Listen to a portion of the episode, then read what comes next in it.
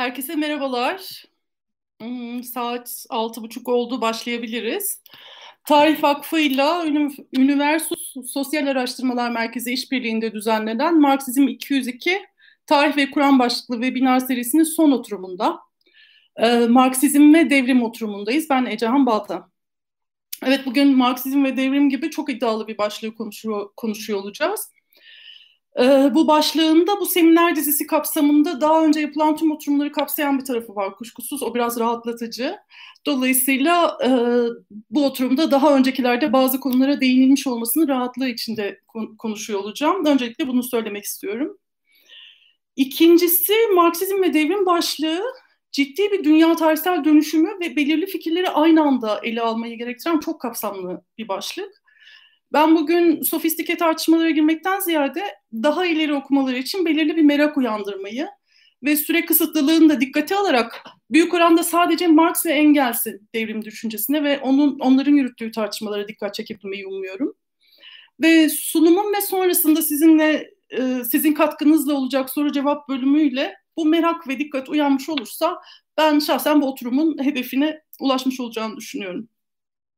Ayrıca en baştan belirteyim, ee, tabii ki çok sayıda başka çalışma vardır. Ancak ben özellikle bu sunumu hazırlarken temel olarak iki ana kaynaktan faydalandım. Bunların ana kaynaklar olduğunu düşündüğüm için de altını çizmek istiyorum. Bu bağlamla ilgili, bu konuyla ilgili. Birincisi Fransız üçlemesi. Yani Marx ve Engels tarafından yazılmış üç kitap. Bunlara e, detaylı olarak değineceğim. İkincisi ise Amerikan Marksistlerinin en iz bırakanlarından bir tanesi olan Holdraper'ın beş ciltlik Marx'ın Devrim Kuramı başlıklı yayınından faydalandım. Bunun yanında tabii ki Lenin'in Ne Yapmalı, Devlet ve Devrim ve Nisan tezleri, Troçki'nin Rus devriminin tarihi, Gramsci'nin hapishane defterleri ve Lüksemburg'un, Rosa Lüksemburg'un da Spartakistler ne istiyor çalışmalarını. Yani aslında bakarsanız devrimleri yapanların kendilerinin yazdıklarını da yapa, yani yapmaya çalışanların başarılı başarısızlık bu devrim sürecini yaşayanların kendilerinin yazdıklarını da birinci elden mutlaka okumak gerektiğini belirterek başlamak istiyorum. Şimdi sorularla gitmeye çalışacağım. Ee, biraz başlıklar daha anlaşılır olsun diye. Çünkü bu webinarda bu kadar uzun bir sunumu yapmak epeyce bir zor. Sizin de muhtemelen zaman zaman dikkatinizi dağılacaktır. Benim açımdan da biraz yabancılaştırıcı bir deneyim ne yalan söyleyeyim.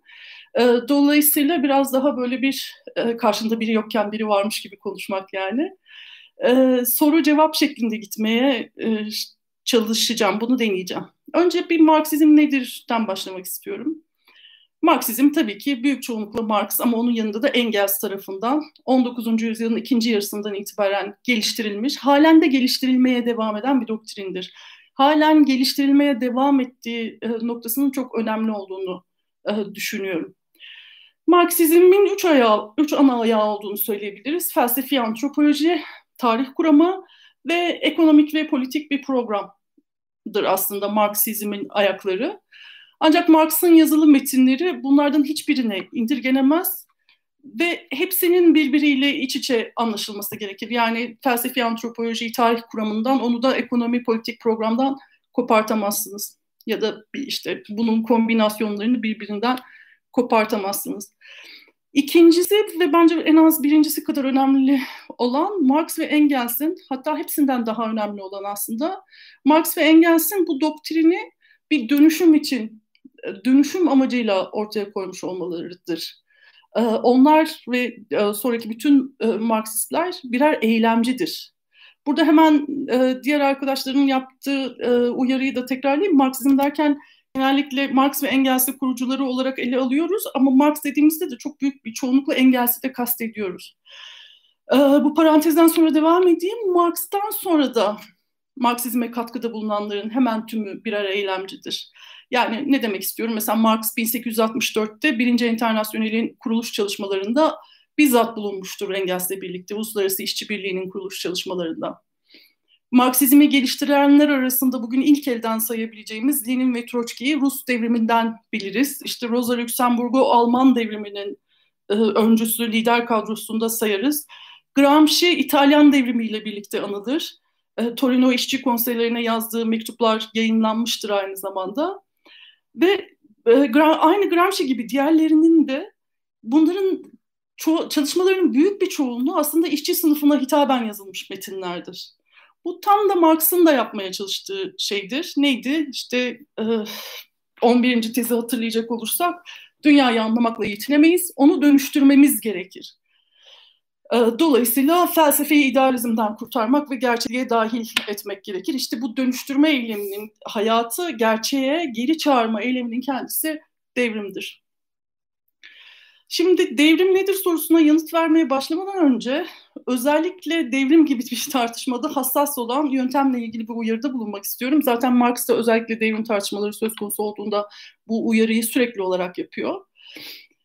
Ee, Marksistlerin hangi tarihsel bağlamlar içinde bu tartışmaları yaptıklarını bilmek çok önemlidir. Yani hangi tartışma ol, olursa olsun bunun hangi tarihsel bağlam içinde yapıldığını e, sormak yapacağımız ilk şey olmalıdır. Özellikle devrim meselesi söz konusu olduğunda bunun ayrıca güçlü bir şekilde e, sorulması gerekir. Bir yandan da bizim burada öğrenmeye çalıştığımız zaten yani e, neden devrim, Marksizm ve devrim üzerine konuşuyoruz. Bir akademik ya da entelektüel merak nedeniyle değil, tam tersine yeni bir tarihsel bağlamda ortaya çık- çıkan durumun inceliklerini görebilmek ve onunla ilgili müdahale kanallarını daha açık hale getirmek için. O nedenle de herhangi bir bilgi olduğu gibi hatta galiba biraz daha ondan çok e, Marksizm ve devrimle ilgili bilgiye ve tartışmaya da bu tarihsel bağlam içinden bakmak gerekiyor. Peki devrim nedir? Devrim nedir sorusuna biraz daha detaylı, biraz daha geriye giderek bakmak istiyorum. Çünkü yani e, etimolojisinden başlayacağım. Böyle hafifçe bir e, antropolojik bilgi e, Marx'a döneceğim. Devrim Latince revolus, revolutio e, kelimesinden geliyormuş. Bu baş aşağı dönmek e, anlamına geliyormuş. Yani her şeyin birden baş aşağı dönmesi anlamına geliyormuş. Ve devrimi en genelde siyasi iktidar ve siyasi örgütlenmede temel, köklü ve göreli olarak da hızlı bir değişiklik olarak tanımlayabiliriz. Tabii bunun kendiliğinden olmadığını, nüfusun belirli bir kesiminin iktidarı devirmeye yönelmesi ve başarılı olması sonucu gerçekleştiğini de söylememize gerek yok. Devrimler insanlık tarihi boyunca sizin de bildiğiniz gibi meydana gelmiştir. Ama yöntemleri, süreleri ve motive edici ideolojileri açısından çok büyük farklılıklar göstermektedir. Devrim kavramı Marx'a ait değildir. Yani esas olarak Marx'ın da Marx da ilk devrimci değildir. Örneğin milattan önce 4. yüzyılda hepimizin yine çok iyi bildiği Aristoteles e, politik devrimin tanımını yapar politika kitabında, onun dördüncü kitabında. Nasıl tanımlar devrimi? Bir kurucu yasadan diğerine tam bir geçiş ya da kurucu yasada büyük değişiklik olarak tanım, tanımlar. Yani kurucu yasaların değişmesi ya da kurucu yasanın kendisinin büyük oranda değişmesini devrim olarak tanımlar. Ve onun ana nedenlerini de sıralar Aristoteles. Ona göre devrim ayaklananların içinde bulundukları duygusal ve zihinsel durum elde etmek istedikleri hedefe yönelik motivasyon ve hali hazırdaki ateşleyici sebepler nedeniyle gerçekleşir. Böyle baktığımızda aslında bunu halen yani milattan önce 4. yüzyıldan e, ne kadar 5000 6000 yıl sonra da çok pardon 6000 yıl sonra da aynı şeyi hemen hemen söyleyebiliriz. Tabii Marx'ın Aristoteles'ten kuşkusuz çok büyük bir farkı var. Ama bu bağlamdaki en büyük farkı Aristoteles devrimle ilgili tespitlerini onu nasıl önleyeceklerini e, analiz etmek için yapıyor. Ama Marx kapitalizmi devirmek için devrimi istiyor. Yani analiz motivasyonları tamamen farklı. Buradan artık Marx'a geçebiliriz. Şöyle biraz daha şeyden e, klasikten başlayayım. Lenin Marksizmin üç kaynağı ve üç öğretisi e, çalışmasında biliyorsunuz Marksizmin işte zaten adı üstünde üç kaynağı olduğunu söyler. Alman felsefesi, İngiliz ekonomi politiği ve Fransız devrimci pratiği yani Fransız sosyalizmi. Yani Hegel'i baş aşağı çevirip diyalektik ve tarihsel materyalizmi geliştirmiştir Marksizm, onu kullanır. İngiliz ekonomi politiğini aşar ve Smith ve Ricardo'dan aldığı emek değer teorisini ileriye doğru sıçratır e, burjuva iktisatçılarının nesneler arasında bir ilişki oldukları şeyi yani bir ilişki olarak gördükleri şeyi yani bir metanın bir başka meta ile değişimini insanlar ve sınıflar arasında bir ilişki olarak ortaya koyar. Bu bence çok en kritik e, noktalardan bir tanesi. Bir sınıf bir diğeri olmadan e, var olamaz. Yani sınıflar birbiriyle ilişkisel bir şekilde ancak var olabilirler. Ve son olarak da Fransız devrimci pratiğinden öğrendiğimiz e, düzen yıkılıp yenisi kurulun, kurulunca salt eskisine karşı olmak, yeni kurulanın ahlakçı eleştirisini yapmakla yetinmeyip yeni düzeni özgürlük bağlamında ileriye taşıyacak olan gerçek demokrasiyi vurgulamak açısından da Fransız devrimci pratiğini e, vurgular. Hatta bu gerçek demokrasi meselesi Marx'la ilişkili olarak kullanıldığında o kadar bir boyuta çıkar ki özellikle Alman devrimci hareketine ilk katıldığı zamanlarda e, Marx aşırı demokratik olmakla suçlanır. Yani şöyle denir hatta o kadar demokrat ki devleti bile reddediyor gibi şeyler e, söylenir ve e, yani bu tabii şeyde sosyalist çevrelerde kendi yol arkadaşları, yoldaşları arasında Marx'a yönelik yapılan en güçlü eleştirilerden bir tanesi aşırı demokratik olmasıdır. Bu da bence zaten e, Marksizmin temel e, ne diyelim temel özelliklerinden bir tanesidir. Bunu da e, devrim meselesindeki yaklaşımı da son derece belirleyen bir temel ilkedir diye düşünüyorum demokrasi meselesi. E, buna daha sonra gelmeye çalışacağım. Şimdi ben tabii bu sunumda e, Fransız sosyalizminden yani e, sözünü ettiğim tarihsel bağlam içinde Fransa'da 1848-1850 ve daha sonra 1871 Paris Komünü'ne varan durumdan başlamak istiyorum. Burada da ağırlıklı olarak başladı dediğim gibi Fransız üçlemesini. Yani Marx ve Engels'in ortak yapıtları olan üç kitabı.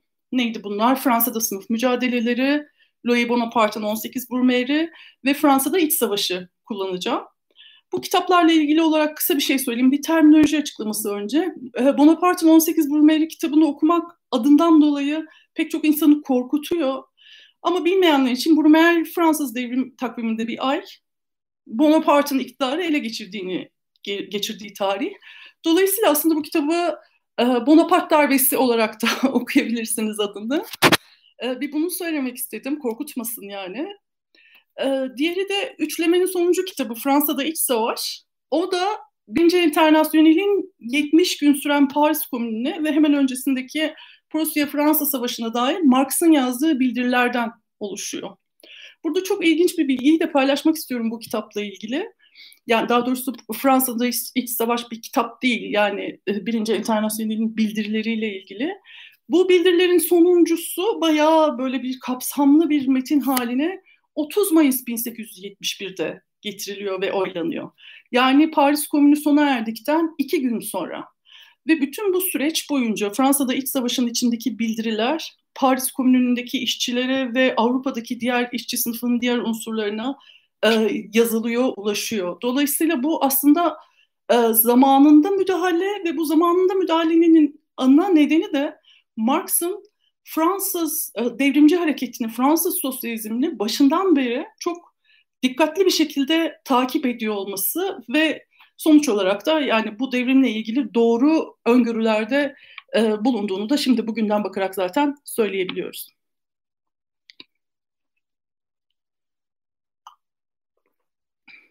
Şimdi Marx'a göre 1848'e kadar olan devrimlerde ve aslında daha sonraki bazılarında da tüm egemen sınıflar hükmedilen halk yığını karşısında küçük birer azınlıktır. Hükmeden egemen azınlık bir şekilde dev, devrilir ve başka bir azınlık onun yerine devlet iktidarını ele geçirir. Bu da devrimdir. Buna da Marx e, devrim der. E, ve bu e, azınlıklar arasındaki bu iktidar değişimi devlet kurumlarını da kendi çıkarları doğrultusunda yeniden biçimlendirmelerine neden olur.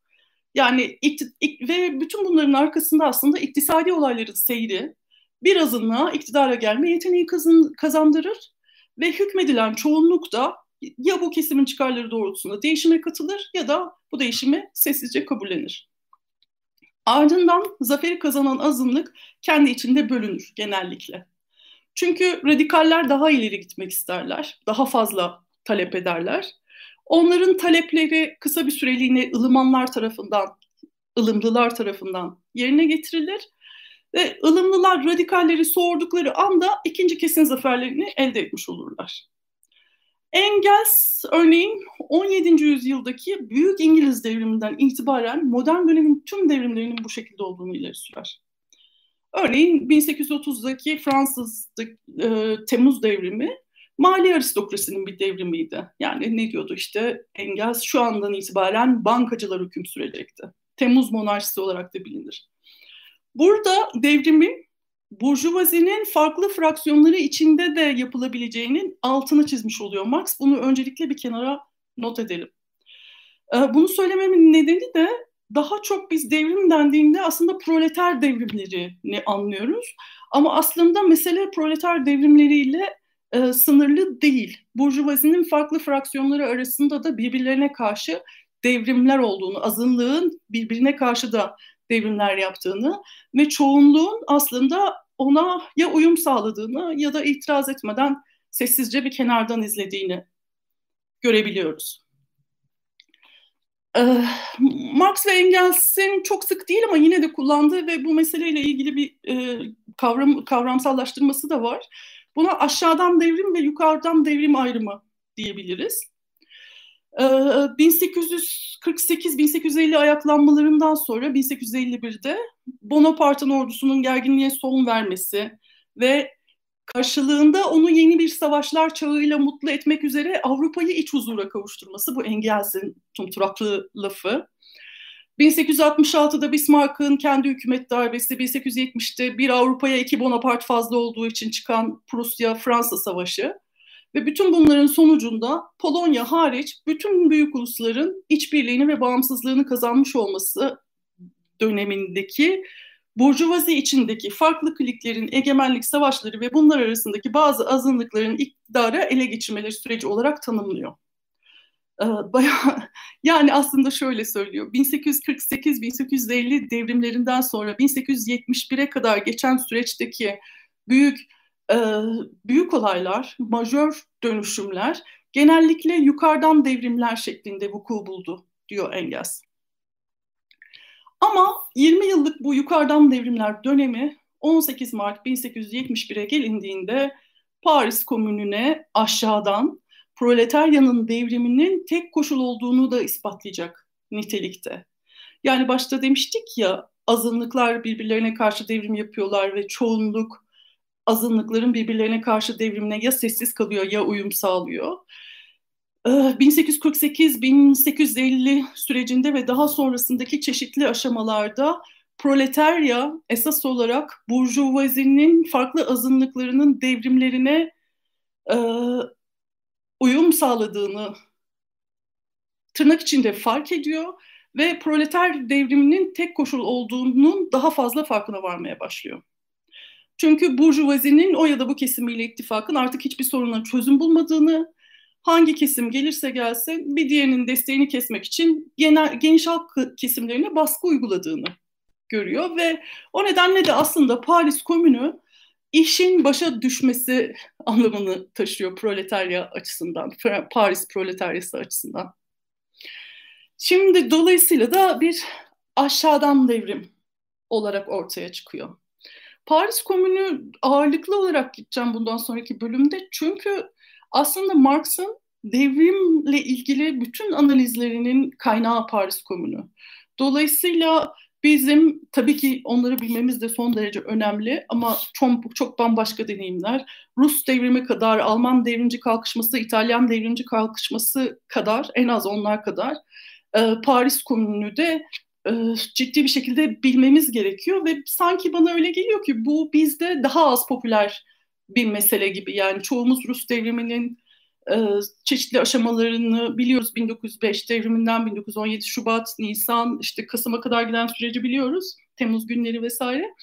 Ama esas olarak e, Paris Komünü'nü biraz daha ihmal ettiğimiz bir nokta e, gibi de geliyor. Bir yandan bu gerekçeyle. ikincisi de Marx'ın doğrudan bu konu hakkında e, yazmış olması gerekçesiyle işte Marx'ın devrim anlayışı dediğimizde e, ilk baktığımız yerin Paris Komünü olması meselesi var.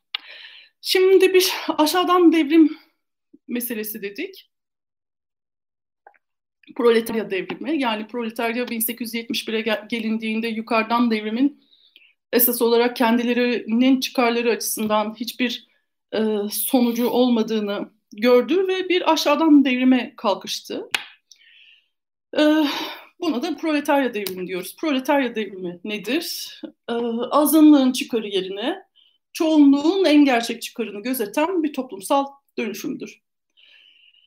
Proletarya devrimi temel olarak bir iktisadi dönüşüm talebi üzerine kurulur.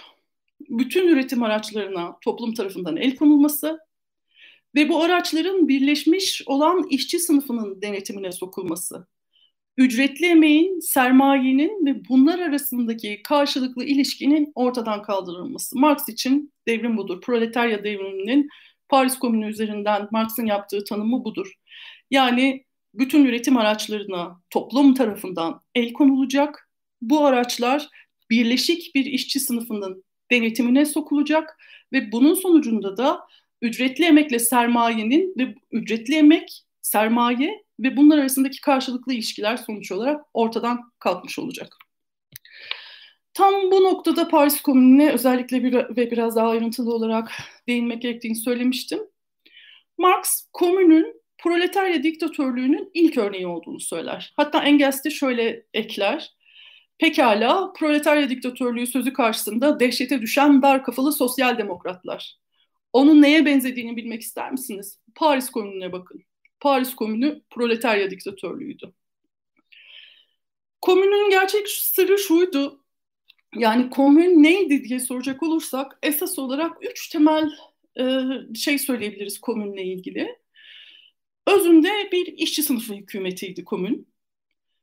Üretenlerin mülk edinen sınıfa karşı mücadelesinin bir sonucuydu ve bir bütün olarak mülk edinen sınıfa karşı mücadelesinin sonucuydu. Ve emeğin iktisadi kurtuluşunun gerçekleşmesini sağlayabilecek bir siyasal biçimdi. Paris Komünü nasıl gelişti? Olaylar, olgular nasıldı? 18 Mart'tan 28 Mayıs 1871'e kadar Paris'i yöneten, yöneten radikal bir sosyalist ve devrimci hükümetten bahsediyoruz. Bu noktaya nasıl gelinmişti peki? Hatırlatmak gerekirse Fransa-Prusya Savaşı, Paris 4 ay boyunca kuşatma altında ve o sürede o sırada 3. Cumhuriyeti ilan ediliyor ve e, başkent Tours'a taşınıyor. E, Fransa'nın başkenti Tours oluyor. Paris her zaman işçi sınıfı radikalizminin bir yatağı ve bu süre zarfında bir de düzenli ordu birlikleri yerine ulusal muhafızlar Paris'in korumasını üstleniyor. Düzenli ordu çekiliyor ve ulusal muhafızların siyasallaştırılmış ve radikal, siyasallaşmış yani ve radikal birlikleri Paris'i savunuyor. Paris Prusyalılara 28 e, Ocak 1871'de teslim oluyor. Ama Prusya birlikleri Paris'te bir parka yerleşmek zorunda kalıyorlar. Çünkü ulusal muhafızlar hiçbir zaman yani devrimci ulusal muhafızlar aynı zamanda komüne de katılacak olan ulusal muhafızlar silah bırakmıyorlar. Sadece ateşkes ilan ediyorlar. Hatta Marx bunun e, insanlık tarihindeki en onurlu yenilgi olduğunu söylüyor. E, sonra işte Paris Hükümet Başkanı atanıyor Thiers. O da o ulusal muhafızları silahla, silahsızlandırmak istiyor ve bu sefer Paris Fransız hükümetine karşı savaşı ilan ediyor. Ve 28 Mart'ta komün yönetimini ele geçiriyor ve ilk iş olarak Fransa-Prusya Savaşı'nın ortasındayken zorunlu askerlik hizmetini ve düzenli orduyu kaldırıyor komün. Komün yönetimi ele geçiriyor 28 Mart'ta. Ve Fransa-Prusya Savaşı devam ederken, Paris işgal altındayken zorunlu askerlik hizmetini ve düzenli orduyu kaldırıyor. Bunun altını özellikle çizmek istiyorum bu bölümün. Çünkü komünün aslında Prusya ordusuna karşı Paris'i Paris'i savunmak olduğunu düşünenler var. Bununla daha önce karşılaştık. Oysa komün önce kendi yaşam alanını savunuyor ve onun savunmasına, onun kendi yaşam alanını savunmasına karşı gelen Fransız hükümetine savaş açıyor. Ve onu işgal eden Prusya ordusu için e, Prusya ordusuyla savaşmıyor geri çekilmeye zorluyor ve bunu yaparken aynı zamanda da zorunlu askerliği kaldırıyor. Şimdi komünle ilgili diğer maddelere şöyle bir bakmak istiyorum. Bir, e, bunlar da önemli çünkü proletarya diktatörlüğünün ana e, gündemleri, ana talepleri, başlıkları, programı diyeyim daha doğru olacak programı esas olarak bu maddelere dayanıyor. Hala da bu maddeler üzerinden ilerliyor. Her şeyden önce komün çalışanlarının yani tırnak içinde memur olarak çalışanlarının alabileceği en yüksek maaşı belirliyor. Bu zannederim 6 bin franktı ama bunun tabii şimdi günümüzdeki karşılığının ne olduğunu bilmiyorum. Fakat çok yüksek olduğunu sanmıyorum. Bu özellikle önemli çünkü kamu yararına ait işleri, kamu yararı için yapılan işleri maaş nedeniyle çekici hale getirmek esas olarak bürokrasiye giden yolları döşüyor. Bunu bugün de görüyoruz. O gün de e, böyleymiş. E, muhtemelen yani devrimlerin çeşitli aşamalarında bu karşılaştığımız bir sorun. Bu sorunu ortadan kaldırmak için, bürokrasinin gelişmesini engellemek için bir tavan ücret koyuyor komün. Kilisenin devletten ayrılmasını ve yani gerçeklik olarak ve kilise mülklerinin kamu mülklerine dönüştürülmesini programına alıyor ve gerçekleştiriyor bunu. Bireysel vicdan alanına ait her şeyin, bunlar ağırlıklı olarak dinle ve ahlakla ilgili olan e, yaklaşımlar, kavramlar, tutumlar, bunların tamamının eğitim müfredatlarından çıkartılmasıyla ilgili çalışma yapıyor. İdam cezasının kaldırılmasına karar veriyor ve şovenizmin simgeleri olan zafer anıtlarını kaldırıyor kentten.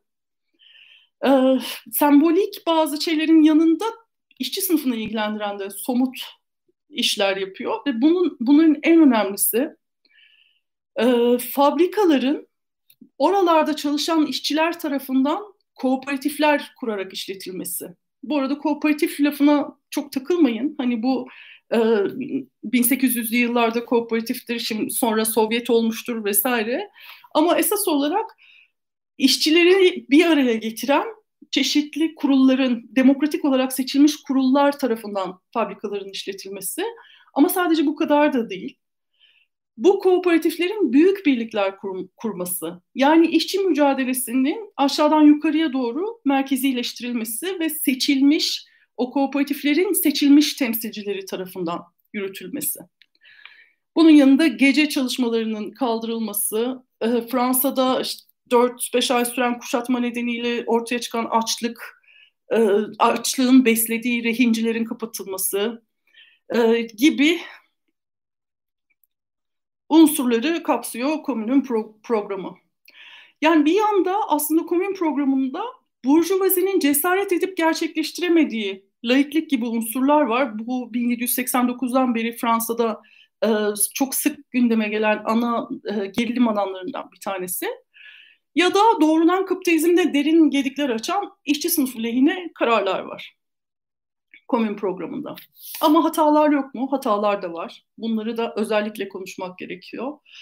Ee, ama tabii çok bulunan şeyler değil bu. Bu perspektifle bakan az sayıda e, tarihçi vardır ya ben rastlamadım belki de vardır. Örneğin komün e, bir gün Fransız Bankası'nın önünde duruyor. Bir gün değil yani Fransız Bankası'nın e, Fransız Bankası'nı işgal etmeyi reddediyor, etmiyor. Dolayısıyla da aslında bankayı rehin almak gibi etkili bir fırsatı da kaçırmış oluyor. Bu Marx'ın da komüne yaptığı ana eleştiri diyebiliriz aslında. Sonra ne oluyor? İşte 21 Mayıs 1871'de başlayan kanlı hafta sırasında düzenli Fransız ordusu e, komün deneyimini kanlı bir şekilde bastırıyor. Ve komün bu süre boyunca, iki ay boyunca e, Paris'i yönetmiş oluyor. Şimdi komün politikaları ve sonuçları üzerine yapılan tartışmalar e, bunu proletarya diktatörlüğü örneği olarak tanımlayan Marx'ın fikirleri üzerinde önemli bir etkiye sahip. E, bu deneyim üzerine üzerinde pardon Bu deneyim hakkında altın çizmek gereken çok nokta var ama ben birkaçını özellikle vurgulamak istiyorum. Ee, komün üyeleri çoğunluk olarak Blankiciler, azınlıkta da Proudhon okuluna bağlı üyelerin oluşturduğu bir e, ekipten oluşuyor. Yani çoğunluk Blankici, azınlık Proudhoncu e, bir ortam var komünde. Bu da şunu gösteriyor her şeyden önce, komünde tek bir partinin egemenliği yok. Ve Marx bununla ilgili en ufak bir yorumda bulunmuyor. e, bu olur ya da olmaz demiyor ama olmaz dememesinin aslında komünde tek bir partinin egemenliğini dayatmadığına dair de bir yani dayatmanın e, geçerli, mantıklı olmadığına dair bir bakış açısının sonucu olduğunu da söyleyebiliriz. Komünde tek parti olabilir miydi? Olabilirdi. Ko, yani komünde sadece Blankiciler tek parti olabilirdi. Tarih öyle aksaydı. Ama tarih belli ki öyle akmamış ki e, Proudhoncular da bir şekilde e, komünde siyasal olarak temsil edilmişler. Bir yandan da şöyle bir gerçeklik var. Bu da bence komünün en önemli derslerinden bir tanesi. Komün deneyimi ne Blankicilerin ne Proudhoncuların iradeleri doğrultusunda ilerledi. Komün deneyimi aslında bunların başlangıçta savundukları şeylerin tam tersini savunmaları sonucunu doğurdu deneyimin kendisi. Örneğin Proudhoncular işçi sınıfının birleşmesini, hani böyle bir kooperatiflerin üst birliği şeklinde birleşmesini savunmuyordu. Ama komün işçi örgütlerinin tamamını birleştirdi. Ve e, komün deneyimi de onların, Proudhoncuların bu düşüncelerinin sonu oldu. Blankistler de Engels'in terimiyle komplo okulunda yetişmiş ve katı disiplinin bir arada tuttuğu kadrolar olarak ee, devrim yerleşene kadar diktatöryel yöntemler kullanılması gerektiğini inanıyorlardı. Ama e, o güne kadar merkezi hükümetten ve baskıcı iktidardan çok çekmiş olan Fransız halkına özgür bir federasyon çağrısı yaptı komün. Yani bu diğer yandan da her şeyi ben bilirim, ee, devrim benim kitabımda yazdığı gibi olacak şeklindeki bir yaklaşımın devrim anlarında deneyim tarafından ne kadar çaresiz bırakıldığını da e, gösteriyor. Aynı zamanda da olumlu bir şekilde söyleyecek olursak deneyimden öğrenmeye açık olmak gerektiğini gösteriyor. Zira biz bugün de bütün edindiğimiz bilgileri deneyimden öğreniyoruz. Tam bu bağlamda Marx'a e, kulak verecek olursak, işçi sınıfı komünden mucizeler beklemedi diyor Marx. Onun halk kararıyla hayata geçireceği hazır ütopyaları yok kendi kurtuluşunu ve onunla birlikte bugünkü toplumun kendi iktisadi gelişimi aracılığıyla karşı konulmaz şekilde yönelmiş olduğu daha yüksek yaşam biçimini hazırlamak için kendisinin yani işçi sınıfının koşullar gibi insanların da tümüyle dönüşmesini sağlayacak olan uzun mücadelelerden bir dizi tarihsel süreçten geçmek zorunda olduğunu biliyor. Onun hayata geçireceği idealleri yok tek yapacağı yıkılmakta olan burjuva toplumunun rahminde şimdiden gelişmiş bulunan yeni toplum ögelerini serbest bırakmak. Çok uzun cümleler kuruyor. Umarım anlaşılmıştır. Ee, yani dev, devrim yeni toplum ögelerini serbest bırakır. Paris Komünü de bunu yaptı. Şimdi bu paragrafla ilgili söylenecek çok fazla şey var. Şimdilik bunu bir kenara bırakacağım. Ama şu noktadan devam etmek istiyorum. Burjuva toplumunun rahminde gelişen yeni ögeler ter, terimi tanımlaması bana bir e, devrimci durum işaret ediyor. Dolayısıyla buradan bir devrimci durum nedir? Devrimci neye devrimci durum diyoruz? E, buna da yine e, bu metinlerden yola çıkarak bakmak, tanımlamak uygun olacaktır diye düşünüyorum bu bölümde. E,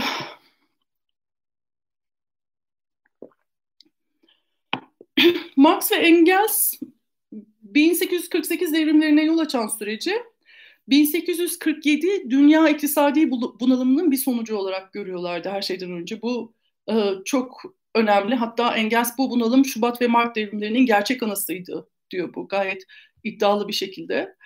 Ve 1849 ve 50'de sanayi ref, refahın artmasıyla birlikte devrimler sönümlendi. Yani iktisadi krize bağlı olarak devrimler açığa çıktı ve sanayi refah arttıkça devrimler de sönümlendi. Dolayısıyla 1850'den sonra yeni bir devrim ancak yeni bir bunalımın sonucu olabilirdi diyor Marx. Ee, devrimci duruma dair devrimci durum nedir sorusuna yanıt olarak Fransız üçlemesinden genellikle ikili bir yaklaşım e, geliştirilir siz de biliyorsunuzdur.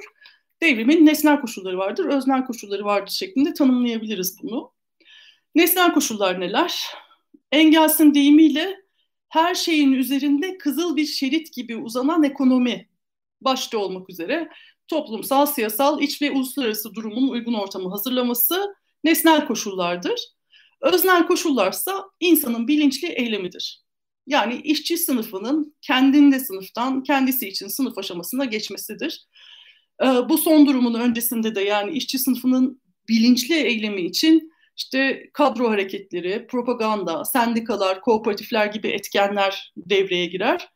Ama yine de esas olarak öznel koşullarda son olarak, nihai olarak nesnel koşul tarafından tetiklenir. Yani bazı durumlar e, bir bilinç sıçraması, sıçraması yaratabilir demek istiyorum. Bunun yanı sıra bir de devrimci hafızanın yani e, devrimci repertuarın işçi sınıfının öznel durumunda epeyce belirlediğinin eklenmesi lazım. Bu e, gördüğümüz kadarıyla birikerek gelen yani devrimci hareket belirli alanlarda birikerek gelen bir niteliğe de sahiptir. Lenin devrimci durum için üç belirti aramamız gerektiğini söyler ama e, şunu özellikle söyleyeyim bu belirtilerin üçünün aynı anda olması gerektiğini söyler. Ha, nedir bunlar? Birincisi ezilen sınıfın sıkıntı ve çileleri olağanın üstüne çıkmıştır. Ezilen sınıf artık eskisi gibi yaşamak istemiyordur. Birincisi bu. İkincisi üst sınıflar arasında şu ya da bu biçimde kendisini göstermiş bir bunalım söz konusudur. Üçüncüsü e, bu iki nedenden dolayı olan zamanlarda çilesine sessizce katlanan ezilenlerin eylemliliği artmıştır. Bu üçü varsa bir devrimci durumdan söz edebiliriz diyor Lenin. Ee, devrimci durum her şeyden önce önceki durumlardan niteliksel olarak ve gözle görülür derecede farklıdır. Öncelikle bunu söylemek lazım. Yani dolayısıyla birazcık artmış eylemlilik, işte geçen seneye göre fazla yapılmış grev gibi kriterlerle devrimci durumu ölçemeyebiliriz. Ama eğer bunları ölçmezsek de gözlem ve tahminle yetinmek zorunda kalırız. Onu da söylemek isterim. Troçki'nin Rus devrimiyle ilgili şu yazdıkları sistematik olarak sistematik bir anlayış için faydalı olabilir. Diyor ki 7 Kasım 1917 silahlı ayaklanması olmasaydı Sovyet devleti var olmazdı. Ancak ayaklanma kendiliğinden bir şekilde gökten düşmedi. Ekim devrimi için bir dizi tarihsel ön koşul gerekliydi. Neydi bunlar? Ee, birincisi eski egemen sınıfların yani soyluluğun, monarşinin, bürokrasinin çürümüşlüğü, halk kitleleri içinde hiçbir kökü olmayan burjuvazinin siyasi zayıflığı, köylü sorununun devrimci karakteri, bu tabii e, bunun Rusya'ya özgü olduğunu söylemek lazım. Bunu da belki sonra e, vaktimiz kalırsa geliriz. Ezilen uluslar sorununun devrimci karakteri, proletaryanın toplumsal ağırlığı ve e, belirli konjonktürel koşullar. Neydi bu? İşte 1905 devrimi, o büyük bir okuldu ve Lenin'in deyimiyle 1917 devriminin provasıydı. Ve e, proleter birleşik cephenin, cephenin devrimdeki vazgeçilmez örgütsel şekli olan Sovyetlerde ilk kez 1905'te ortaya çıkmıştı. Dolayısıyla e, Paris Komünü de bu bağlamda değerlendirilebilir aslında. Yani o gün komün dediğimiz, kooperatif dediğimiz, e, bugün Sovyet, Sovyetlerin birliği e, olarak ifade edilebilir. diğer yandan da yani aslında bu az önce repertuar, işte devrimci hafıza, devrimci repertuar diye sözünü ettiğim şey. Bu repertuar sadece tabii Rus devrimci hareketine, Rus işçi sınıfına ait ve, ve köylülerine ait bir repertuar değil. 1900 Paris Komünü de 1905'te 1917'de Sovyet yapılanmasıyla aslında bütün devrimlerin repertuarına kazınmış olan modeller. Bunu da ifade etmek gerekir. Ee, başka konjonktürel koşullar Rus devrimini kolaylaştıran kon, konjonktürel koşullar neydi? Bir kere emperyalist savaş vardı. Bu savaş tüm çelişkileri keskinleştirmişti ve kitlelerin durağanlığını parçalamıştı ve böylece de aslında burjuvazi açısından ve çarlık açısından muazzam bir felaket hazırladı. Ama e, diye ekliyor Troçki, bu da ayrı bir tartışma konusu yapmaya çalışacağım. Devrimin patlak vermesi için tamamen yeterli olan tüm bu koşullar devrimci devrimde proletaryanın zaferini garantilemeye yine de yetmezdi. Bu zafer için bir şarta daha ihtiyaç vardı der. O da parti, Bolşevik Parti'ydi. Şimdi bütün bu devrimci koşullar var diyelim. Yani bir devrimci durumdayız. Ee, aslında bu cevabı daha önceki bölümde de vermiş olduğum ama e, tekrar bir dönüp bakmak istiyorum. Devrimi kim yapar? Yani devrimci durum ortada. Devrimi kim yapar? Ee, burada çok aslında eh, cevap net. Tarihin motoru sınıf mücadelesidir. Dolayısıyla kapitalizmi yıkıp yerine başka bir toplumu inşa edecek olan güç de sermaye karşısındaki işçi sınıfıdır.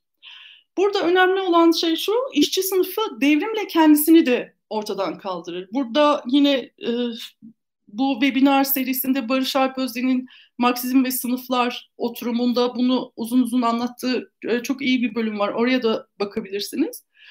E, işçi sınıfıyla sermaye arasındaki e, ilişkisel süreçte işçi sınıfı devrim yaparak kendi varlığını sona erdirir. Peki işçi kimdir? İşçi Marx'ın kapitalde tarif ettiği şekliyle yaşamak için emeğini satmak zorunda kalan herkestir.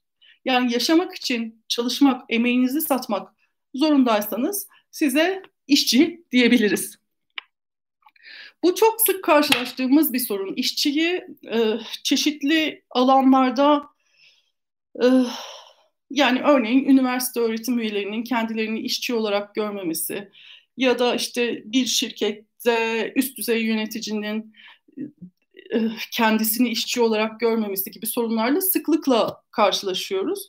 Dolayısıyla bu bu genişlikte, bu kapsayıcılıkta düşünmek gerekir. Birincisi bu. ikincisi bu kapsayıcılık işçi sınıfının kendi içindeki katmanlaşmaları da e, katmanlaşmalara duyarsız da değildir. O, öyle olmaması gerekir. Bunu da ekleyeyim. Yani işçi kadınla işçi erkeğin sorunları, işçi LGBTQ, nun sorunları birbirinden farklılaşabilir. Kürt'ün, göçmenin, mültecinin, e, Arap'ın vesaire vesaire sorunlarıyla işte e, beyaz Türk işçi sınıfının sorunları da aynı olmayabilir. Farklı ezilme biçimlerine maruz e, kalmanın kendisi işçi sınıfı içinde çeşitli katmanlar, katmanlaşmalar e, yaratabilir. Ama esas olarak işçi sınıfı bunların bütünüdür. Yani yaşamak için emeğini satmak zorunda kalan herkestir.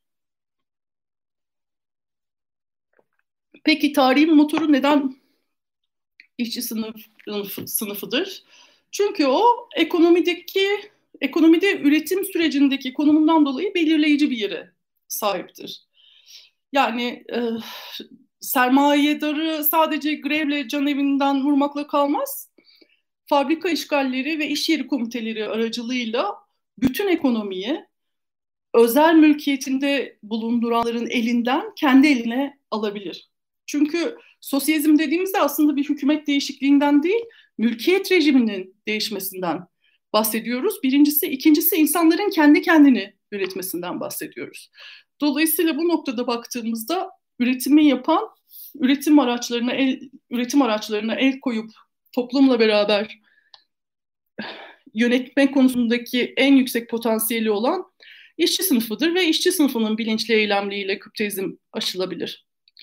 Peki işçi sınıfı dışında başka ittifaklar yok mu? Mesela devrimde köylülerin rolü nedir diye soracak olursak nasıl bir cevap verebiliriz?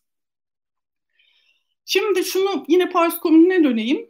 Paris Komünü daha ilk duyurularından birinde savaşın gerçek sorumlularının onun masraflarını da üstlenmek zorunda olduklarını açıklamıştı. Hatırlarsanız Paris Komünü'nden hemen önce Prusya-Fransa savaşı başlamıştı ve savaş köylüler üzerinden finanse ediliyordu savaş e, bütçesi. Köylülere verilen e, kan vergisi vesaire gibi vergilerle e, finanse ediliyordu. Dolayısıyla e, komün dedi ki ben köylüyü kan vergisinden kurt, kurtulacağım, e, kurtaracağım. Ona ucuz bir hükümet vereceğim. Bu Fransa'da işte hükümetin e, topluma yönelik maliyeti çok tartışılan bir şeymiş komünden önce.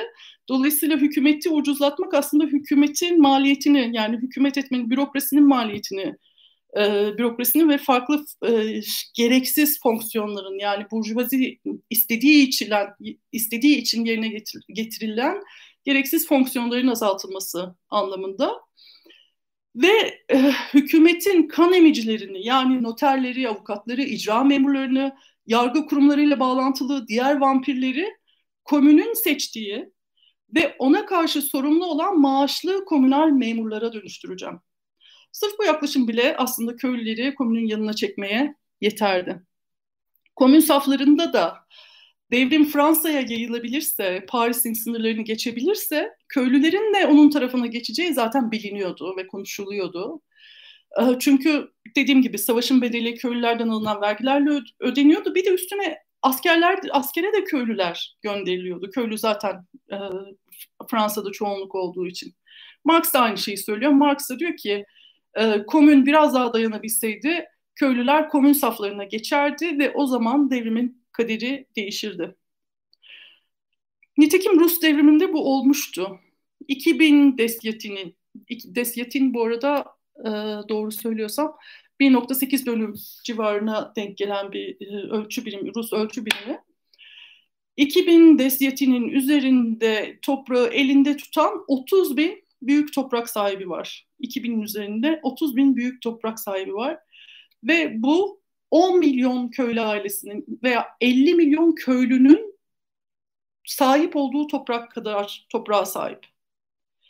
Yani 30 bin bir yanda öbür yanda 50 milyon var.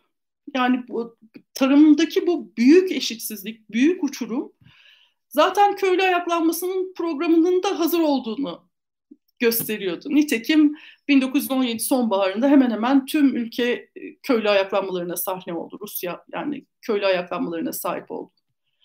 Sahne oldu. Eski Rusya'nın 624 bölgesinden 482'sinde yani %77'sinde köylü ayaklanmaları oldu. Ve Troçki şöyle diyor, köylerden yükselen alevler ayaklanan şehirlerin meydanlarını aydınlatıyordu. Diyor. Bence bu çok güzel bir tanımlama paylaşmak istedim. Eğer tarım sorunu Burjuvazi tarafından büyük bir cesaretle çözülmüş olsaydı Rus proletaryası açıktır ki 1917'de iktidara gelemeyecekti.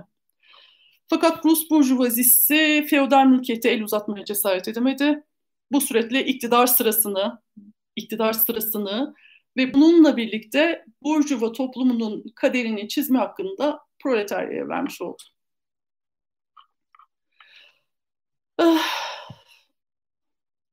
Yani bu şu anlama gelmiyor. Bütün e, devrimlerde öyle bir moment vardır ki köylüler aslında proleterlerle beraber hareket ederler gibi bir anlama gelmiyor bu söylediklerim. Ama Paris Komünü ile ilgili e, ilerleseydi ne olur diye ne olurdu diye baktığımızda ya da Rus devrimine baktığımızda e, köylünün proleterlerle birlikte davrandığını görebiliyoruz. Fakat karşı devrimci rol üstlendikleri devrimler de var. Bunu da dikkate almamız gerekiyor. Örneğin Fransız devriminde Vende'ye ayaklanması e, bu devrime karşı yapılan en büyük dirençlerden bir tanesiydi.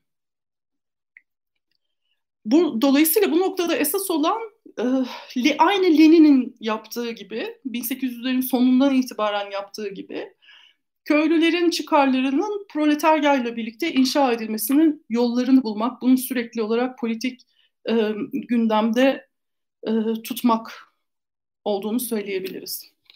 Şimdi bir devrimci durum oldu, devrimi proletarya yaptı, çeşitli ittifaklar kurdu köylülerle vesaire filan. Peki Troçkin'in dediği işte bütün bunlar devrimci durum var ama Bolşevik Partisi olmasaydı devrim yapılamazdı noktasına tekrar geri dönecek olursak bu soruya. Orada devrimde öncünün rolü nedir gibi bir e, soruya dönmüş oluyoruz aynı zamanda. Marx Paris Komünü ile ilgili şunu şöyle söylüyor. Sağlam örgütlenme, planlama ve yönetim olmadan zenginlere meydan okursanız halkçı sınıfların yenilgisi kaçınılmazdır. Şimdi e, aslında bu öncü parti meselesinin Lenin'in ne yapmalısına atıfla e, tartışıldığını görüyoruz ama bence Marx'ın Paris Komünü ile ilgili söylediklerinde de esas olarak öncüye bir şekilde bir e, vurgu var. Yani Marx partinin nasıl diyelim Marx'a göre toplumsal konumun gereği proletarya sınıflı toplumsal yapıyı sona erdirecek tek irade. Ee, bu irade aslında proletaryanın doğal olarak kurup benimseyeceği bir çeşit partidir diyor Marx. Marx için bu parti işçi sınıfının içinden tamamen tarihsel bir zorunluluk sonucu ve kapitalizmin çelişkileri sonucunda ortaya çıkar. Bu noktada Marx'ın saptaması partinin sosyalist devrim için bir aygıt ve proletaryanın örgütlenmiş bir biçimi onun bir buluşma alanı olmasıdır. Ama devrimi yapan proletaryanın kendisidir, parti ya da öncü değil. Ee, peki bu nasıl olacak? Bu noktada Lenin bir adım ileri gidiyor ve bu iradeyi Komünist Parti önderliğindeki proletarya olarak tanımlıyor. Yani yine proletarya olarak tanımlıyor ama Komünist Parti önderliğindeki proletarya olarak tanımlıyor. Yani e, bir gece yatıyoruz, sabah kalktığımızda işte Komünist Parti devrim e, yaptı gibi bir tabloyla karşı karşıya kalmıyoruz. Proletaryanın öncülüğündeki, ön, Komünist Parti'nin önderliğindeki proletaryanın yaptığı devrimle karşı karşıya kalıyoruz. Ee, öncü konusunda biliyorsunuz ciddi tartışmalar yapılıyor. Biraz uzattığım için bu kısmını hızlı geçeceğim. Ee, ama yani bu tartışmalar öyle bir noktaya geldi ki 90'lardan itibaren özellikle e, toplumsal hareketlerin yeni dalgası öncülük meselesini onun karikatürleriyle düşünüyor. Çünkü onun karikatürlerine aşırı muhatap kaldık. E, dolayısıyla da reddediyor. Ya da e, sınıfın gerçek öncüsü olma iddiasında olan bir takım e, iradeler de sınıfla organik bağlar kurmadan goşist bir eylemlilik içinde kendilerinin öncü olduğunu iddia ediyorlar. Bu da aynı sonucu doğuruyor. Yani e, çeşitli kitlesel hareketlerin öncü konusundaki inancını zayıflatan e, bir unsur olarak görünüyor. Şimdi goşizm falan demişken sona doğru yaklaştığımı da söyleyeyim. E, çok vaktinizi alıyorum ama devrimin yöntemi ne olmalı? Sınıf savaşı deyince ne anlıyoruz gibi yine bağlamsal bir tartışma, bir, bir soru da var. O, bunu da şunu söylemek lazım. Devrim şöyle ya da böyle yapılır demek mümkün değil. Yani keşke öyle hazır bir reçetemiz olsaydı. Ama e, parlamenterizm, sokak savaşları vesaire gibi noktalarda Marx ve Engels'in söylediği önemli şeyler var. Onları çok böyle e, hızlı bir şekilde ifade etmek istiyorum. Örneğin genel oy hakkı ve parlamentoya giriş meselesiyle ilgili özellikle e, yani üç farklı durumla karşı karşıyayız Avrupa'da genel oy hakkı açısından 1800'lü yıllarda. Bir tanesi Kuzey Avrupa bir şekilde genel oy hakkına başlamış. Yani genel genel oy hakkı uygulaması var Kuzey Avrupa ülkelerinin bir kısmında. Latin ülkeler yani Akdeniz Havzası'ndaki ülkeler genel oy hakkı genellikle olmayan ülkeler. Fransa ve İsviçre gibi ülkelerde de çeşitli manipülasyonlarla e, genel oy hakkı işe yaramaz hale getirilmiş. Ama e, Marx da diyor ki parlamenterizm yapmadan parlamentoda işçi sınıfına hitap edecek, geniş halk kesimlerine hitap edecek bir mecra e, bulabiliyorsanız bu e, bunu küçümsemeyin diyor esas olarak. E, çok önemli bir propaganda aracıdır diyor. Güçler dengesinin bir dökümünü yapar size diyor genel seçimler. Ve işçilerin inancını arttırır, düşmanların da korkusunu arttırır. Dolayısıyla halk kesimleriyle ilişkide de başka bir mecra sağlar. İşte medya gibi, parlamento gibi bir mecra sağlar. Dolayısıyla gen, genel oy, hakkın, oy hakkını e, etkili bir silah olarak kullanabiliriz diyor. Nite, nitekim Alman Sosyalist Hareketi, Alman o zaman adıyla Sosyal Demokrat Hareketi e, çok ciddi bir şekilde genel oy hakkını kullanarak yani parlamento seçimlerine girerek yüzde 25'in de üzerinde bir oy almayı başararak aslında e, güçler dengesinde bir güç olduğunu en geniş kesimlere gösterme fırsatı olarak değerlendiriyor bunu. Dolayısıyla böyle bir tarafı var ama Marx için parlamento bayağı demokrasidir. Bunu da bu, bu isimle söyler. Bayağı demokrasidir. Dolayısıyla işçi sınıf hareketinin gele, devrimin geleceğini parlamentoya bağlamadığımız ama parlaman, parlamentoyu bir propaganda aracı olarak kullandığımız e, bir yöntem izleyebiliriz der Marx. Ee, sokak savaşı ile ilgili Engels'in çok e, şey inanılmaz aydınlatıcı e, tanımlamaları var.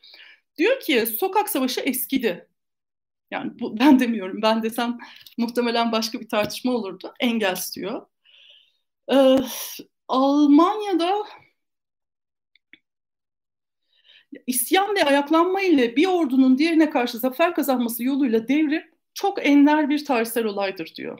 Zaten de zaten isyancılar da askerlerin direncini kırmayı hedeflerler. Onları yenmeye değil. Bir de ama o da artık eskidi diyor. Çünkü o zamanlar yani 1850'lerden önce ateşli silahlara dayanıklı duvarları yıkmak için istihkamcıların sivri uçlu kazmaları vardı diyor. Bugün dinamit lokumları var. Dolayısıyla böyle iki ordu karşı karşıya geldi gibi bir durumla karşı, bir durum karşısında değiliz. Eskiden silahlarımızı kendimiz yapıyorduk. Şimdi endüstriden geliyor silahlar. Dolayısıyla o açıdan da çok ciddi bir eşitsizlikle karşı karşıya e, karşı karşıyayız diyor. Ama sokak savaşının tüm geçerliliğini yitirdiğini de söylemiyor. Yani sadece siviller için koşulların çok daha elverişsiz olduğunu, askerler için de çok daha elverişli olduğunu söylüyor. Dolayısıyla bu elver elverişsizliği başka unsurlar tarafından dengelemek gerekir diyor.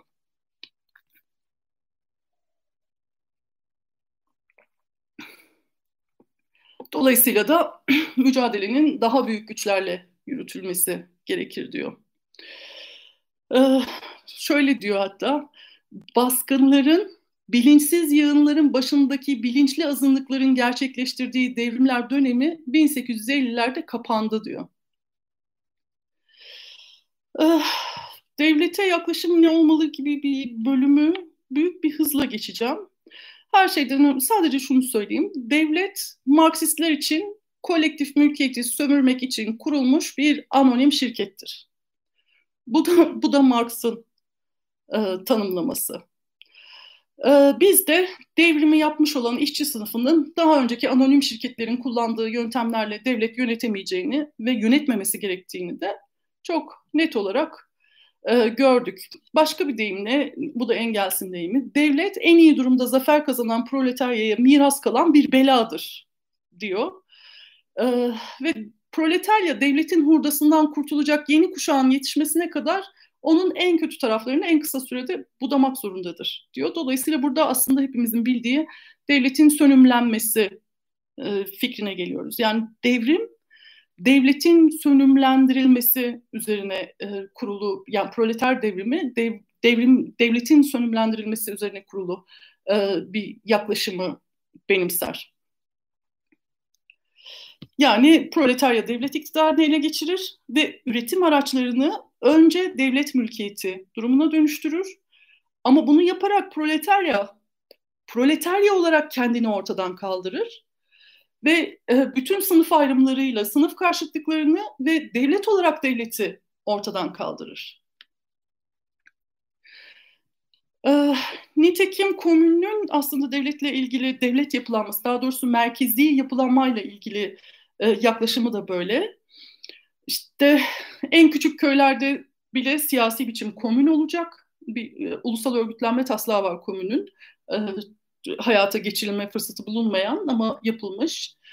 En küçük köylerde bile siyasi biçim komün olacak. Taşra'da sürekli ordunun yerine görev süreleri çok kısa olan halk milisleri olacak.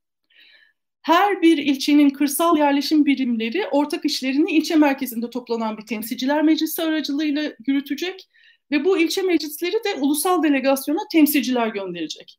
Ama bu temsilciler her zaman görevden alınabilir olacak ve seçmenlerin talimatlarına bağlı kalacak. Ah, yani komünün yalnızca ortaya çıkışı bile aslında devlet tartışmasıyla ilgili e, söyleyeceğim şey bu olur.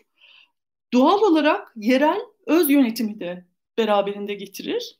Ama bu öz yönetim bizim anladığımız anlamda yani yerel öz yönetim bizim anladığımız anlamda devlet iktidarını dengeleyen bir karşı ağırlık değil. Bu devlet iktidarını ortadan kaldıran, onun yerine konan bir öz yönetim. Ee, bununla birlikte dolayısıyla da aslında buradan çıkardığımız sonuç ne? Proletarya diktatörlüğü gerçek, tam ve dayanıklı bir demokrasi Burada da şunu da demokrasiyle ilgili şunu söylemek lazım. Demokrasi kavramına içerik kazandıran şey kuşkusuz sınıf savaşı. Yani demokrasinin kendisi 1848 devrimlerine kadar popüler bir e, tanımlama değildi. E, 1848 çünkü demokrasinin ne olduğuna dair bir savaştı. Ve bu durumdan çıkartılan dersler ülkeden ülkeye değişti ama Marx demokrasi için Yani eşitlik ve özgürlük için aslında Marx demokrasi eşittir eşitlik ve özgürlük e, denklemini de kullanıyor diyebiliriz. Bunlar için demokrasi için savaşın bir sınıf savaşı olduğu olarak yürütülmesi gerektiğini açıkça koy, ortaya koyuyor. Ee, bir yan bir de şunu söylemek istiyorum. Demokrasi sadece bir siyasal durum da değil. Demokrasi özgürlük aynı zamanda da aşağıdan yukarıya bir karar alma süreci. Yani demokrasi de özgürlüğün olabilmesi için onun olduğu her yerde yani özgürlükten bahsettiğimiz her yerde demokrasinin de olması gerekir. Dolayısıyla burada yöntem süreci ve sonucu da öncelikli olarak belirler Marksistler açısından. Bu sizin çok sabrınızı zorlamak istemiyorum ama son bir soru olarak, mesele olarak dünya devrimi meselesine de değinmek istiyorum. Bu aslında çünkü tablo tamamlanmış olmayacak eğer bunu anlatmazsam. Dediğim gibi çok kapsamlı bir konu. Şunu söylemek istiyorum. Yani işte tek ülkede devrim olur mu? İşte bu ne kadar yaşayabilir falan gibi tartışmalara girmeyeceğim ama genel bir ilkeden bahsedeceğim ve bu genel ilkenin aslında Marx ve Engels'in ve e, Marksistlerin ortak başlangıcından itibaren Ortodoks Marksizmin, Marksizmin temel metinlerinde ortak bir mesele olduğunu e, ileri süreceğim. Her şeyden önce Marx hiçbir zaman ülkeler düzeyinde bir devrimsel süreçten ya da bir ülke düzeyinde kazanımdan bahsetmez. Ona göre kapitalizm bir dünya sistemi olarak var olduğuna göre onu aşan bir üretici güçler düzeyine e, sınıfları ve dolayısıyla da sınıf savaşını yok edecek bir bolluk ve refah ve bolluk, refah ve özgürlük düzeyine ancak küresel bağlamda oluşulabilir, oluş, ulaşılabilir. Nitekim Paris ayaklanması, Viyana, Milano ve Berlin ayaklanmalarıyla da yankılandı. Ve Rusya sınırına kadar tüm Avrupa aslında Paris ayaklan ayaklanmasıyla birlikte hareketin içine sürüklendi. Sonra 1864'te Uluslararası bir işçi birliği kuruldu. Yani birinci internasyonel kuruldu. Komünist Manifesto'nun e, bütün ülkelerin işçileri birleşiniz şeklindeki ünlü cümlesi de aslında ulusal sınırları aşan bir sınıfsal bütünleşme çağrısıydı. E, Marx'ın yazdığı bilinen bütün uluslararası işçi birliği bildirileri bütün ulusların işçilerine hitabıyla başlar ve uluslararası işçi birliğinin sınırları tanımayan üyeleri ifadeleri de bu bildirilerde pek çok kez kullanılır ve bu çağrılar da karşılık bulur. Prusya-Fransa Savaşı'nın ortasında 50 bin kişilik bir Alman işçi grubu Uluslararası İşçi Birliği'ni ve Paris Komünü'nü desteklediğini açıklayan bir bildiri yayınlar örneğin. Paris Komünü'nün aldığı ilk kararlardan bir tanesi de keza komünün bayrağının Dünya Cumhuriyeti'nin bayrağı olmasıydı. Yani kızıl bayrak olmasıydı. Ve komün üyelerinin de Fransız vatandaşı olması sorumluluğu yoktu. Aynı zamanda başka bir örnek, internasyonelin dış politika dış politika konusundaki tutumu. Diyor ki yani birinci internasyonel bireyler arasındaki ilişkileri yönetmeleri gereken basit ahlak ve adalet yasaları halklar arasındaki ilişkilerde de en üst yasalar olarak kabul edilir. edilir. Yani iki birey arasındaki ilişkiyi tanımlayan e, adalet neyse e, iki halk arasındaki ilişkiyi e, tanımlayan da odur. Yani e, bununla ilgili sayısız örnek e, verebiliriz. Devrimci kalkışmalar kendiliğinden neredeyse bir enternasyonist nitelik taşırlar. Yani Rus devrimi, Alman ve İtalyan devrimlerinin e, birbiri ardına gelmesi tesadüf değildir. Nitekim günümüzde de görebiliriz. Yani Arap ayaklanmalarının yayılmasında da e, bunu çok net bir şekilde e, görebiliriz. Bu bize neyi gösterir? Devrimin uluslararası düzeyde örgütlenmesi gerektiğini gösterir. Bu da öncünün de tırnak içinde ne anlıyorsak öncüden onu tam tartışamadık ama onun da uluslararası örgütlenmesinin gerekliliğini yani internasyonelin gerekliliğini gösterir. Son olarak çok şey eklenebilirdi. İşte ütopik sosyalizm eleştirisi, bürokrasiye yaklaşım, diğer devrimler, özellikle Rus, Alman, Çin, İtalyan devrimleri. Ama bunu belki başka bir zaman yapabileceğimizi umuyorum. Ee, devrim sürekli bizimle olan aktüel bir ihtimaldir. ve devrim yapma hakkı tek gerçek tarihsel haktır. Bu hak geçmişle gelecek arasında şimdiden başlayıp geleceğe uzanan bir haktır. Evet geçmişi bilmemiz gerekir. Çünkü geçmişin deneyimleri bize tarihin yasaları hakkında bir fikir yürütmemizi sağlayacak malzemeler sağlar. Başarıyla övülmek de güzel ama başarısızlıklardan ders çıkartmak esas yapmamız gereken şey de bu. Biz yine de geleceğe bakalım. Çünkü Marx'ın dediği gibi toplumsal devrim şiirini geçmişten değil yalnızca gelecekten çıkartabilir.